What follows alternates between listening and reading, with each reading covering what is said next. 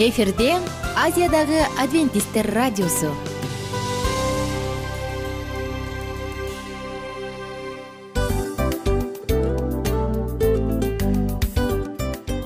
Достор салют. Баардык сүйүктүү угармандарыбызга салам айтабыз. Кутман күнүңүздөр менен. Ден соолук өмүрдүн булагы демекчи саламат саамы программасында баарыңыздарды көргөнүбүзгө абдан кубанычтабыз. Анда алгач амандашып өтөлү арбаңыздар деп. Ден соолугуңуздар кандай элибизде көбүнчө ден соолук кандай дегенде эле жакшы деп жооп беребиз э? ооруп турсак дагы жакшы дейбиз. Анан мен муну айтып ойлойт элем бул абдан сонун сөз депчи анткени бул жакшы деген үмүт да ооба. баары жакшы болот. Баары сонун. Деп үмүттөнүп атып эле өзүбүздү өзүбүз дарылап коебуз.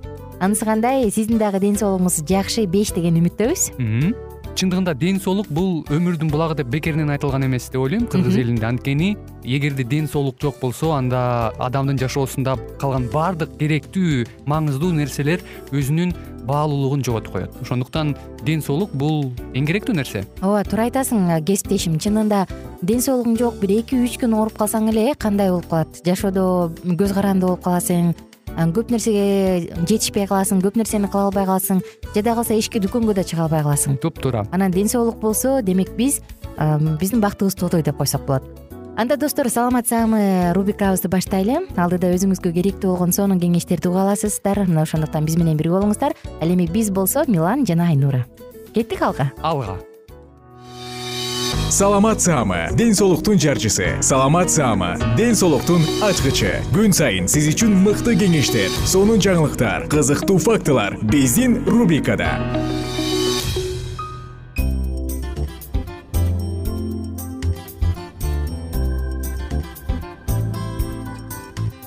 саламатсыздарбы достор? Биз уктуруубузду андан ары улантабыз жана бүгүнкү конокторубузду тааныштырып өтсөм саламат саама рубрикасында биздин коногубуз бишкек шаарынын мамлекеттик санитардык эпидемиология көзөмөлдөө борборунун дарыгер эпидемиологу казиевич балгарт казиевич саламатсызбы? Саламатсыздарбы. Жана арча бешиктеги он экинчи зсмде эмгек өтөгөн педиатр эжекебиз ашыралиева зулайка токтоналиевна. Саламатчылык бүгүн сиздер менен бирге биз мурунку уктуруубузду улантабыз. Сасык тумоо жөнүндө жалпы профилактикалоо жана аны кантип туура дарылаш керек? Мына ошол жөнүндө сөз болмокчу. Мурунку уктуруубузда биз эпидемиологдор жалпысынан спецификалык жана спецификалык эмес түрү менен адамдарды алдын алууга чакыраарын тагыраак айтканда үй бүлөлүк дарыгерлер менен иштешерин сөз кылганбыз. Мен ошол нерсени дагы кайталагым келип турат. Бет кап жөнүндө. Бет капты негизи оорулуу адам канча убакта бир алмаштырып турушу керек? Зулайка токтоналиевна айтып кетсеңиз бет кап мисалы эгерде менин жанымда оорулуу адам бар болсо ал мени коргобойт бет кап анткени ал инфекция баары бир жугат. А оорулуу адам аны тагынышы керек канча убакта бир алмаштырып турушу керек бет кап же маска деп айтылат. Э, ошону биз э, ар бир эки саатта алмаштырып турабыз. Анткени ушу эки сааттын ичинде гана ушу маска же бет кап коргой алат да. Андан кийин коргой албайт. Андан кийин эгерде өтө күчтүүрөөк түрү болуп катуу ооруй турган болсо анда атайын жанагындай фильтрлер коюлган бет капты тагынышы керек. бет каптарды тагынабыз. Туура жакшы. Байке айта кетсеңиз балгарт казиевич кандай алдын алуу жолдору бар дагы алдын алуу жолдору жана айтып эле көп эле айтып кеттим бул эми кол жуу гигиена жөнүндө айтып берсеңиз. жөнүндө айттык. Көбүнчө азыр жаш энелер негизи эле көпчүлүк тилекке каршы калктын көпчүлүк бөлүгү сасык тумоо болуп атканда ай эшикти жап үйдү жылуу кыл ооруп атат бул. Ай отту катуураак жак ооруп калыптыр. Деп мындай көбүнчө бир башкача кылабыз э биз ооруп калганда эле өзүбүздү бир инкубациялык периодко таштайбызбы же кандай түшүнүксүз. Ушул жөнүндө айтып өтсөңүз үй канчалык теңгерде таза болуш керек канчалык биз үйдө нымдуу тазалап уборка кылып турушубуз керек? Үйдөн алуу алдын алуу жолдорунда нымдап жүрүү күнүнө эки жолу. Жок дегенде? Жок дегенде эки жолу эшик терезени ачып э, баягы абаны тазалап нымдап сүрүп э, жылуулап э, кармаш керек. Өтө муздак кармаганда дагы бул э, адам чыйрыгып калганда дагы иммунитети түшөт. Иммунитет түшкөндө баягы сасык тумоо оорусу менен ооруп калышы мүмкүн. Ошондуктан үйдү дагы жылуу кармашыбыз керек. Андан тышкары үйдү эң эле бир бул эшиктен келгенде же мектептен келген бала бакчадан келгенде балдарды сөзсүз үйрөтүш керек. Колуңарды таза самын менен жуугула. Же болбосо ооруп каласыңар депчи анан ошондо бала дагы көнөт. Бул бала мектептерде биз дагы көбүрөөк мектепте жана жана бала бакчаларда бул медицина кызматкерлерине биз дагы көбүрөөк айтып келип атабыз. Алар бала бакчадан эле балдарды үйрөтүшөт колду таза самындап жууп үйгө барганда да самындап жууп компьютерге отурганда да самындап жууп маршруткадан баягы аялдамалардан түшкөндө коомдук транспорттордо жүргөндө анан үйгө келгенде сөзсүз колду самындап жууш керек. Эгерде Э, сасык тумоо менен ооруп аткан адам болсо андан алыс жүрүш керек. Бул сасык тумоо эки метрге чейин баягы адам чүчкүргөндө эки метр үч метрге чейин учат. Ошондуктан алыс жүргөнгө аракет кылыш керек. Э, ошонун алдын алуу жолдору ошол. Андан тышкары баягы үйдөн э, үй бүлөлүк медициналык борборлоруна дагы баягы детский педиатр деп коебуз балдарды караган ошолор дагы боюнда бар кезинде дагы Э, э, бейтапканага кайрылышат. Ошондо дагы булар толук э, үй бүлөлүк медициналык борборлор үйрөтөт. Үйдө кандай жүрүштү кантип алдын алыштуу кантип оорубашты бул оору өзгөчө оор бул жаш балдар. Мен жана статистиканы айтып кетсем бул айта кетсеңиз. он төрт жашка бул эки миң он сегиз менен эки миң он тогузду салыштыра кетсем он төрт жашка чейинкилер алтымыш эки пайызды түзгөн ооруган адамдардын ичинен. Ооруган адамдардын ичинен. Анан э, бул эки миң он сегиз менен эки миң он тогузду баягы салыштыра кетсем жыйырма төрт пайызга төмөндөгөн. Оорулуулар. Оорулуулар төмөндөгөн. Себеп дегенде баягы э, биздин мамлекеттик санитардык эпидемиология көзөмөлдөрү үй бүлөлүк медициналык борборлор тыгыз байланышта жакшы иштеп жатканына байланыштуу деп айтып кетсек болот. Жакшы. Мен кийинки суроону эжекеге бере кетсем зулайка токтоналиевна сасык тумоо анан грипп деп атпайбызбы ошондо грипптин түрлөрү барбы же орвинин түрлөрү барбы? Же орви сасык тумоонун бир түрүнө киреби? Мүмкүн сизде маалыматтар бардыр. Мен бул боюнча дагы кыскача маалымат бере кетсем э, биз айтып өтпөдүкпү жанага чейин сасык тумоо жана өтө э, курч кармоочу респиратордук вирустук инфекция деп. Бул болсо э, сасык тумоого бул болсо бул сразу башталат острый орби деп коебуз бул акырындан башталат оору эгер сасык тумоо менен ооруган адам бул болсо отуз сегиз э, дене табы отуз сегиз градуска чейин көтөрүлөт дагы сасык тумоо беш күн жети күнгө чейин созулат эгерде орби? Болсо үч күнгө чейин эле үч күндөн же эки күндөн жалпысынан эле мүмкүн экөөңүздөр тең маалымат болсо айта кетесиздер мисалы адам чүчкүрүп баштаса бир аз чыйрыгып баштаса эле и грипп болуп калдым дейт эмеспизби. Бул ошонун эле симптому болобу же башка дагы симптомдор болушу мүмкүн? Негизи эле кайсы учурда? А бул грипп деп билиш керек. Э, чүчкүрүп баштаса температура берип баштаса тамак ооруп баштаса бул грипп деп эсептей берсек болот. Баш айлана баштайт температура баштайт өзүн жаман сезе баштайт. Ошондо бул грипп деп аталат. Эгерде э, баягы состояниясы жакшы эле болуп мурдуна суу куюлуп эле а бирок мындай э, жакшы жүрсө анда бул сасык орви. деп аталат. Бирок орви дагы жугат сасык тумоо да жугат. экөө тең эле бооздук аба аркылуу жугат. Бул болсо эң бул күчтүү курч кармап анан беш күнгө чейин жети күнгө чейин ооруса бул грипп деп аталат. Эгер жеңил түрү бир эки күндө эле айыгып кетет бул орби деп аталат. Кичинекей балдар көбүнчө кайсынысы менен ооруйт эжекей менен э? ооруп жатышат. А бул он төрт күнгө чейин созулганы бул грипп деп аталат. А тиги болсо үч төрт күндүн ичинде айыгат. Анан э, дагы бир жолу кайталай кетсек эгерде адамдын башы айланып жүрөгү айланып өзүн жаман сезип төшөккө жатып калса келип дене табы көтөрүлсө бул э, сасык тумоо деп аталат. Эми эжекеге суроо бере кетейин десем азыр убактыбыз соңуна чыгып калыптыр биз азыр э, зулайка токтоналиевнадан сурайбыз. Грипп менен сасык тумоо ой грипп менен же сасык тумоо менен орвини дарылоо окшошпу же эки башкабы. Алдыда эжекебизден жооп алабыз. Мына ошондуктан бизден алыстабаңыздар менин аты жөнүм айнура миназарова. Бүгүн биздин төрүбүздө эпидемиолог дарыгер казиев балгарт казиевич жана педиатр эжекебиз ашыралиева зулайка токтоналиевна алдыда сиздер менен биз саатыбызды улантабыз биз менен бирге болуңуздар. Саламат саама ден соолуктун жарчысы. Саламат саама ден соолуктун ачкычы. Күн сайын сиз үчүн мыкты кеңештер сонун жаңылыктар кызыктуу фактылар. Биздин рубрикада замандаштар баарыңыздарга ысык салам. Дил маек программабызга кош келиңиздер. Дил маек рубрикасы дегенде эле бул эмне болгон дил маек ким менен маектешебиз деп сурайт болуш керек угармандарыбыз бул рубриканы кыскача тааныштыра кете турган болсок ар тарап кесип ээлеринен болгон сонун интервью кеңештер бар. Ооба. Жылдыздар менен болгон маек бар. Аталарыбыздын агаларыбыздын чоң аталарыбыздан сонун кеңештер бар. Ошондой эле эже сиңдилердин кеңештери бар айтор. Баардык кызыктардын баары алдыда. Негизи эле адам баласы бир кимдир бирөөнө ишенип сырын ачкысы келет эмеспи э мындай баарлашууга жакын келебиз го? Албетте. Негизи бир жерге отуруп алып кенен шашпай баягы жүрөктөн жүрөккө ачып сырларыбызды ар кандай көйгөйлөрүбүз менен бөлүшүп баягы чын жүрөктөн маек курганды кимибиз сүйбөйбүз э? Ооба десең ал нерсеге суусап да келебиз да. Ооба кээ бирде адамга чындыгында баягы э, ысык маек баягы жылуу маек жетишпейт да. Ошондуктан биз ушул рубриканы ойлоп тапканыбызда эң биринчи эле достор сиздер менен чын жүрөктөн бир маңыздуу темаларды козгоп кеткени э, кааладык. Ошондуктан ушундай сонун бир рубриканы тартуулап жатабыз. Анын үстүнө радио дагы сонун дос да анткени э, мындай учурда досуңа айтсаң досуң досуна айтат досу досуна айтат да анан бүт өлкө билип калышы мүмкүн го а радио болсо сени сатпаган сенин айыбыңды ачпаган сенин сырыңды эч кимге айтпаган сонун дос мына ошондуктан биздин алдыдагы айта турган кеңештерибизди биздин досторубуздун кеңештерин угуп анан ал жака пикириңизди дагы калтырып кайрадан биз менен байланышсаңыздар болот. Деги эле жашооңузга эгерде кичине болсо дагы өзгөрүү алып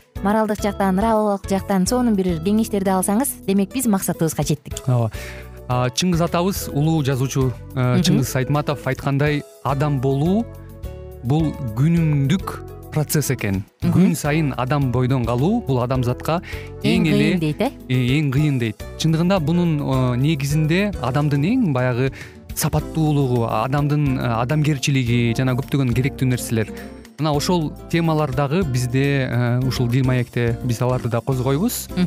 Ден соолук жөнүндө да сүйлөшөбүз. Сөзсүз түрдө анан милан мырза негизи айтып коюшат го. Биз көбүнчө эмнени ойлонсок ошол нерсеге карата иш кылабыз го. Ооба. Анан анысы кандай? Балким бул радио баракчада кимдир бирөөнүн оюн текшергенге жардам берет кимдир бирөөнүн жүрөгүн текшергенге жардам берет. Балким кимдир бирөөгө жашоонун маңызын тапканга жардам берет айтор кызыктын баары алдыда бул жөн гана кыскача жарнама анда угармандарыбыздын баардыгын кийинки рубрикабызга чакырабыз. Ал эми кызматта маңдайымда отурган кесиптешим милан жана мен айнура. Анда эмесе биз даярдаган терең терең ойлор менен таанышууга кеттик. Алыс алыс баралык. Анда эмесе достор биз менен бирге болуңуздар. Алдыда эң кызыктуу маалыматтардын баардыгы бир нече мүнөттөр бою жалгыз гана сизге арналат мына ошондуктан жакшы маанай менен угууну каалайбыз. Үн алышканча жөнөдүк. Ар түрдүү ардактуу кесип ээлеринен алтын сөздөр жүрөк ачышкан сыр чачышкан сонун маек дил маек рубрикасында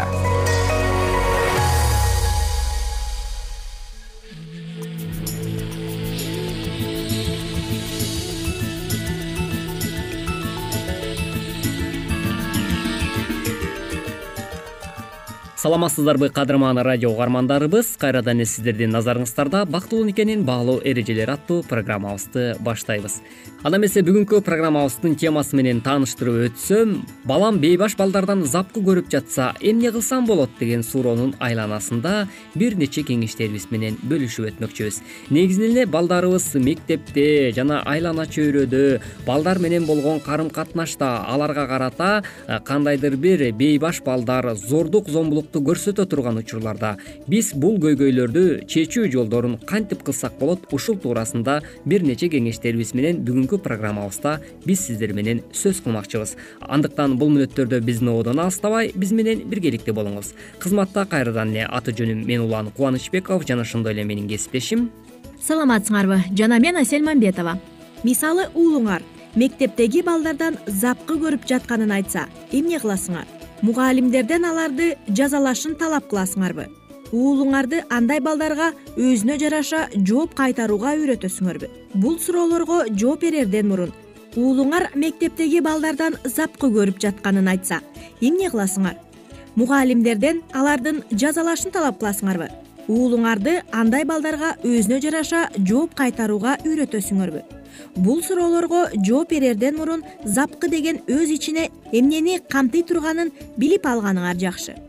Андыктан кымбаттуу ата энелер бул туурасында запкы жөнүндө эмнелерди билгенибиз абзел. Кантип жардам бере алабыз? Ушул туурасында дагы бир нече кеңештерге назарыңыздарды оодарып өтөлү. Запкы жөнүндө деги эле эмнелерди билишибиз керек. Ушул туурасында бир нече кеңештерибизге дагы кулак түшөңүз ошондуктан урматтуу ата энелер запкы деген эмне? Запкы бул кимдир бирөө тарабынан атайын көрсөтүлгөн ага зыян алып келген жан дүйнөсүн жабыркаткан кордук десек болот. Андыктан ар бир эле суук сөздү же жаман мамилени запкы деп айтууга болбойт эмеспи ошондуктан муну билүү үчүн эмне маанилүү? Айрымдар аларды капа кылгандардын баарын анча деле олуттуу болбосо да запкы көрсөтүп жаткан деп эсептешет бирок майда чүйдө нерселердин баарын көйгөй катары көрө берсеңер. Өзүңөр байкабай эле уулуңарды көйгөйдү чечүү анын колунан келбейт дегенди ишендирип коюшуңар мүмкүн. Бул туура эмес. Анткени кыйынчылыкты чечүүгө үйрөнгөнүн ага азыр да келечекте да пайдасы тиет ошондуктан кымбаттуу ата энелер жана сүйүктүү радио угармандарыбыз сөзсүз түрдө балдарыбызды өзүн өзүн колго алып жана ар бир маселени чече билгенге дагы үйрөткөнүбүз абдан маанилүү болот экен. Айрым жагдайларда кийлигишкениңер туура болушу мүмкүн. Бирок башка учурларда андай кылбай эле койгонуңар оң. Себеби мунун аркасында балаңар кыйынчылыкты жеңүүгө түшүнбөстүктөрдү чечүүгө үйрөнөт бирок балаңар кимдир бирөөнүн ага дайыма атайлап запкы көрсөтүп жатканын айтса эмне кылсаңар болот? Кантип жардам бере аласыңар? Биринчиден балаңарды кунт коюп уккула. Эмне болуп жатканын эмне үчүн ага кордук көрсөтүп жатышканын аныктаганга аракет кылгыла. Баарын майда чүйдөсүнө чейин билмейинче жыйынтык чыгаргандан алыс болгула. Мен билгенден дагы бир нерсе болушу мүмкүнбү деп ойлонуп көрсөңөр болот болгон нерсе тууралуу баарын билиш үчүн балаңардын мугалими менен же ага кордук көрсөткөн балдардын ата энеси менен сүйлөшүп көрсөңөр болот. Эгер балаңарды кордоп жатышса жагдайдын жакшы же жаман жакка өзгөрөөрү анын кандай жооп кайтараарына жараша болоорун түшүнгөнгө жардам бергиле. Жумшактык менен айтылган жооп каарды токтотот. Ал эми жүрөк ооруткан сөз ачууну козгойт деп жазылган ооба өч алууга умтулуу отко май чачканга барабар. Бул запкыны токтотпой эле кайра күчөтөт. Ошондуктан кымбаттуу ата энелер кыргыз элибиздин дагы эң жакшынакай бир макалын эске алып койгонубуз абзел экен жаман менен жаакташпа деген дагы сөз бар эмеспи. Демек урматтуу угармандарыбыз балдарыбызга дайыма эле болушо бергендин ордуна тескерисинче алар көйгөйлөрдү өзү чечкенге дагы жардам бергенге аракет кылганыбыз гана абдан маанилүү болуп эсептелинет экен демек бул нерселерди сөзсүз түрдө жашооңузда эске аласыз деген үмүттөбүз. Андан сырткары балаңарга өч алууга умтулбаганы алсыздыкка жатпай турганын түшүндүргүлө. Бул тескерисинче анын күчтүү экенин көрсөтөт. Себеби ошентүү менен себеби ошентүү менен. Ал аны кордогон баладай иш кылбай өзүн өзү башкарган болот. Мындайча айтканда бейбаш балдарга өздөрүнө жараша жооп кайтарбай эле каршы турган болот. Эгер балаңар кээ бир куугунтукка кабылып жатса ушуну эстен чыгарбаганы өзгөчө маанилүү бейбаш балдарга кошулуп интернет оюндарын ойноп жатса башкача айтканда кыжырды келтирген сөздөрдү жазып жооп кайтаруу алардын андан ары да кордук көрсөтө беришине жана балаңардын да аларга окшоп калышына алып келет. Ошондуктан эч кандай жооп кайтарбаса туура кылган болот. Натыйжада бейбаш балдар мындай ыкмасынан майнап чыкпаганынан көрүп запкы көрсөтпөй калышы мүмкүн мындан сырткары дагы айрым учурларда балдарыңардын запкы көрсөткөн балдардан жана аларга запкы көрсөтүүгө ылайыктуу болгон жерлерден алыс болгону эле абдан жакшы. Мисалы кайсы бир бала же балдар көбүнчө каякта көп жүрөөрүн билсе ал жакты айланып өтүп жамандыктан кача алат ошондуктан кымбаттуу ата энелер жана ошондой эле сүйүктүү угармандар жана өспүрүмдөр сиздерге дагы кайрылып кеткибиз келет. Эзелтеден ата бабаларыбыз айтып келген тарбиялык мааниси өтө чоң болгон жакшынакай макал лакап бар эмеспи. Мисалга алсак көп баскан аяк бок басат дейт. Анысы карындай ушул нерселерди эске алуу менен биргеликте жамандан алыс болуп жакшыга жанашканга аракет кыла бергиле деген тилегибизди дагы билдирип өткүбүз келет. Балаңар кандай кылганы туура болоорун кандай кылганы туура эмес болоорун ойлонуп көрсүн маселен ага кордук көрсөткөн балага көңүл бурбай койсо эмне болушу мүмкүн? Анын өзү менен сүйлөшүп кордогонун токтошун айта алабы запкы көрсөтүп жүргөн баланы мугалимдерге айтса болобу. Ага жылуу мамиле кылып же тамашалап анын запкы көрсөткөнүн токтошуна түрткү бере алабы. Балаңар ушундай нерселерге кабылып жатабы же кадимки кордукка туш болуп жатабы кандай болбосун ар бир жагдай ар башка болушу мүмкүн. Көйгөйдү чечиш үчүн балаңар менен чогуу иш аракет кылгыла. Аны дайыма колдоп жардам берээриңерге ынандыргыла. Урматтуу угармандарыбыз ушуну менен бизге бөлүнгөн убактыбыз дагы өз соңуна келип жетти. Кайрадан эле биз сиздер менен бактылуу никенин баалуу эрежелери аттуу берүүбүздөн кезишкенче сак саламатта болуңуз ар түрдүү ардактуу кесип ээлеринен. Алтын сөздөр жүрөк ачышкан сыр чачышкан сонун маек. Дил маек рубрикасында. Жан дүйнөңдү байыткан жүрөгүңдү азыктанткан жашооңо маңыз тартуулаган жан азык рубрикасы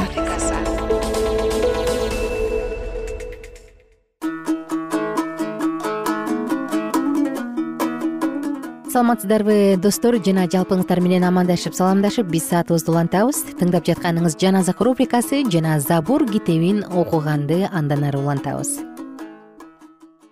Жыйырма бешинчи забур. Дөөттүн забуру. О теңир мага калыстык кыл. Анткени мен айыпсызмын. Сага таянам солк этпейм. Мени текшерип көр сынап көр теңир менин ички дүйнөмдөгү жүрөгүмдү эрит анткени сенин ырайымың менин көз алдымда. Ошондуктан мен сенин чындыгың боюнча жүрдүм. Жалганчы адамдар менен бирге отурган жокмун. Эки жүздүүлөр менен бирге жүргөн жокмун. Кара ниет адамдардын тобун жек көрөм. Кудайсыздар менен бирге отурбайм. Мен өзүмдүн айыпсыздыгым менен колдорумду жууйм. Сенин курмандык чалынуучу жайыңды айланып өтүп сени даңктайм теңирим сен кереметтүү иштериңди жарыя кылам теңирим мен сенин үйүңдү жана сенин даңкың турган жерди сүйөм. Менин жанымды күнөөкөрлөр менен бирге өмүрүмдү кан ичкичтер менен бирге кыйратпа. Алардын колдорунда кыянаттык. Алардын оң колу парага толгон. Мен болсо айыпсызмын. Мени куткар мага ырайым кыл. Менин бутум түз жолдо турат. Жыйындарда теңирди даңктайм. Жыйырма алтынчы забур. Дөөттүн забуру. Теңир менин жарыгым менин куткаруучум. Кимден коркмок элем? Теңир менин өмүрүмдүн тиреги. Кимден үрөйүм учмак эле? Эгерде кара ниет адамдар жоолорум кас душмандарым менин этимди тытып жеш үчүн мага кол сула турган болсо анда алар өздөрү чалынып жыгылышат. Мага кошуун каршы чыкса да менин жүрөгүм коркпойт. Мага каршы согуш чыкса да кудайга таянам. Теңирден мен бир гана нерсени сурадым. Ошону гана издеп келем. Өмүр бою теңирдин үйүндө болгум келет теңирдин сулуулугун көргүм келет. Анын ибадатканасына барып тургум келет. Анткени башыма мушкүл түшкөн күнү ал мени чатырына жашырат. Өзүнүн турагынын жашыруун жерине жашырып коет. Мени аскага чыгарып жиберет. Ошондо менин башым мени курчаган душмандардан жогору көтөрүлөт. Мен анын жыйын чатырына даңктуу курмандыгын алып келем. Теңирди даңазалап ырдайм. Теңир сени чакырган үнүмдү ук. Мага ырайым кыл кулак сал. Жүрөгүм сенин атыңдан менин жүзүмдү издегиле деп жатат. Ошондуктан сенин жүзүңдү издейм теңир менден жүзүңдү жашырба ачууланып кулуңдан баш тартпа. Менин жардам берүүчүм элең мени четке какпа мени таштаба кудайым менин куткаруучум. Анткени мени атам да энем да таштап кетти. Бирок теңир мени кабыл алат. Теңир мага өзүңдүн жолуңда жүргөндү үйрөт. Душмандарым үчүн мени чындык жолуна сал. Мени душмандарымдын колуна салып бербе анткени мага жалган күбөлөр каршы чыгып жек көрүп жатышат. Бирок мен теңирдин кең пейилдигин тирүүлөрдүн жеринде көрөрүмө ишенем. Теңирден үмүттөн. Кайраттуу бол жүрөгүң бекем болсун теңирден үмүттөн. Жыйырма жетинчи забур. Дөөттүн забуру. Сага кайрылып жатам. Теңир менин тирегим мага жооп бербей койбо эгерде сен унчукпай койсоң анда мен көргө түшкөн адамдай болуп калам. Мен сени чакырганда сенин ыйык ибадатканаңа колумду сунганда жалынган үнүмдү уга көр. Мени кудайсыздар менен адилетсиз иш кылгандар менен кошо өлтүрбө алар жакындары менен жакшы эле сүйлөшүшөт бирок жүрөктөрүндө жамандык. Аларга өздөрүнүн кылган иштерине жараша жаман иштерине жараша бер. Аларга колдору менен кылган иштерине жараша бер аларга өздөрүнүн тиешесин бер. Алар теңирдин иш аракеттерине анын колдору кылган иштерине көңүл бурушпагандыктан ал аларды талкалайт кайра тургузбайт. Теңирге даңк анткени ал менин жалынган үнүмдү укту. Теңир менин күчүм коргоочу чебим менин жүрөгүм ага таянгандыктан ал мага жардам берди. Ошондо жүрөгүм кубанычка толду мен аны ырым менен даңктайм. Теңир өз элинин күчү өзүнүн майланганын куткара турган коргоочусу. Өз элиңди куткар өз мурасыңа батаңды бер аларды кайтар кылымдан кылымга жогору көтөр жыйырма сегизинчи забур. Дөөттүн забуру. Кудайдын оолдары теңирди даңазалагыла аны даңктагыла ага урмат көрсөткүлө. Теңирдин атын даңктагыла теңирге анын даңкынын улуулугу үчүн таазим кылгыла теңирдин үнү суулар үстүндө. Даңктуу кудай күркүрөдү.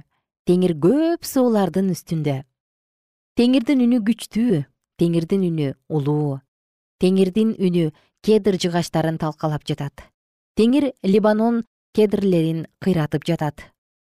Теңир аларды буркарчардай секиртүүдө ал эми либанон менен сирион тоолорун жаш өгүздөй секиртүүдө. Теңирдин үнү чагылганды чагып чыгарып жатат теңирдин үнү чөлдү титиретип жатат. Теңир кадеш чөлүн титиретип жатат. Теңирдин үнү жээрендерди боюнан бошотуп токойлорду жылаңачтап жатат. Анын ибадатканасында бардыгы анын атак даңкын даңазалап жатат. Теңир топон суунун үстүндө өз тактысына отурду. Теңир түбөлүк падыша болуп тактыга отурат. Теңир өз элине күч берет. Теңир өз элине тынчтык берип батасын берет. Жыйырма тогузунчу забур. Дөөттүн забуру. Үйдө ыйыктап жаткандагы ыр мени тургузганың үчүн душмандарымдын мага үстөмдүк кылуусуна жол бербегендигиң үчүн сени даңазалайм теңирим. Теңирим кудайым. Өзүңдү чакырганымда мени айыктырдың. Теңирим сен жанымды өлгөндөр жаткан жайдан алып чыктың. Көргө кирбешим үчүн мени тирилттиң теңирдин ыйыктары ага арнап ырдагыла аны ыйык кысымын даңктагыла. Анткени ал көз ирмемге эле каарданат ал эми ырайымы түбөлүк. Кечинде ый эртең менен болсо кубаныч.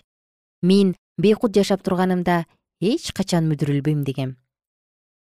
Теңирим өзүңдүн жакшы ниетиң менен тоомду бекем кылдың бирок жүзүңдү менден жашыргандыктан коркуп кеттим. Ошондо мен сени чакырдым теңирим сага жалындым. Көргө киргенде менин канымдан кандай пайда топурак сени даңктамак беле. Сенин чындыгыңды жарыяламак беле. Теңирим кулак сал. Ырайым кыл теңирим. Мага жардам берүүчү бол. Сен менин кайгымды шаттыкка айланттың. Үстүмдөгү зумбалды чечип белимди кубаныч менен курчадың. Жаным сени даңктасын басылбасын. Теңир кудайым мен сени түбөлүк даңктаймын.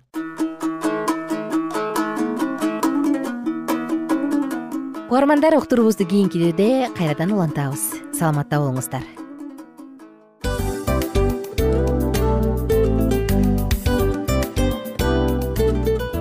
достор биздин радио баракчаларыбыз соңуна келди. Демек бул программабызды дагы жыйынтыктачу учур келдик.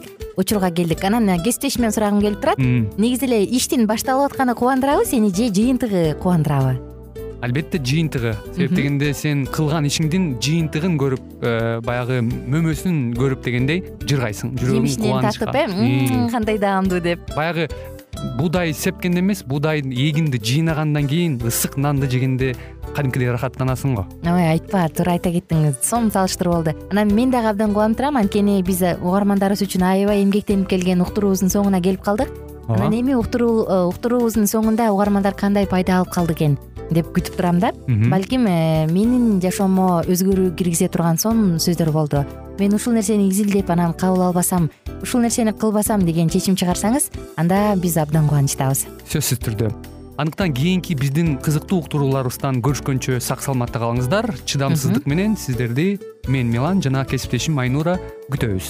Баардык угармандарыбызга ийгиликтүү күн каалайбыз. Качан гана болбосун уртуңуздан жылмаюу кетпесин үйүңүздө көмүр жүрөгүңүздө көңүл болсун дейли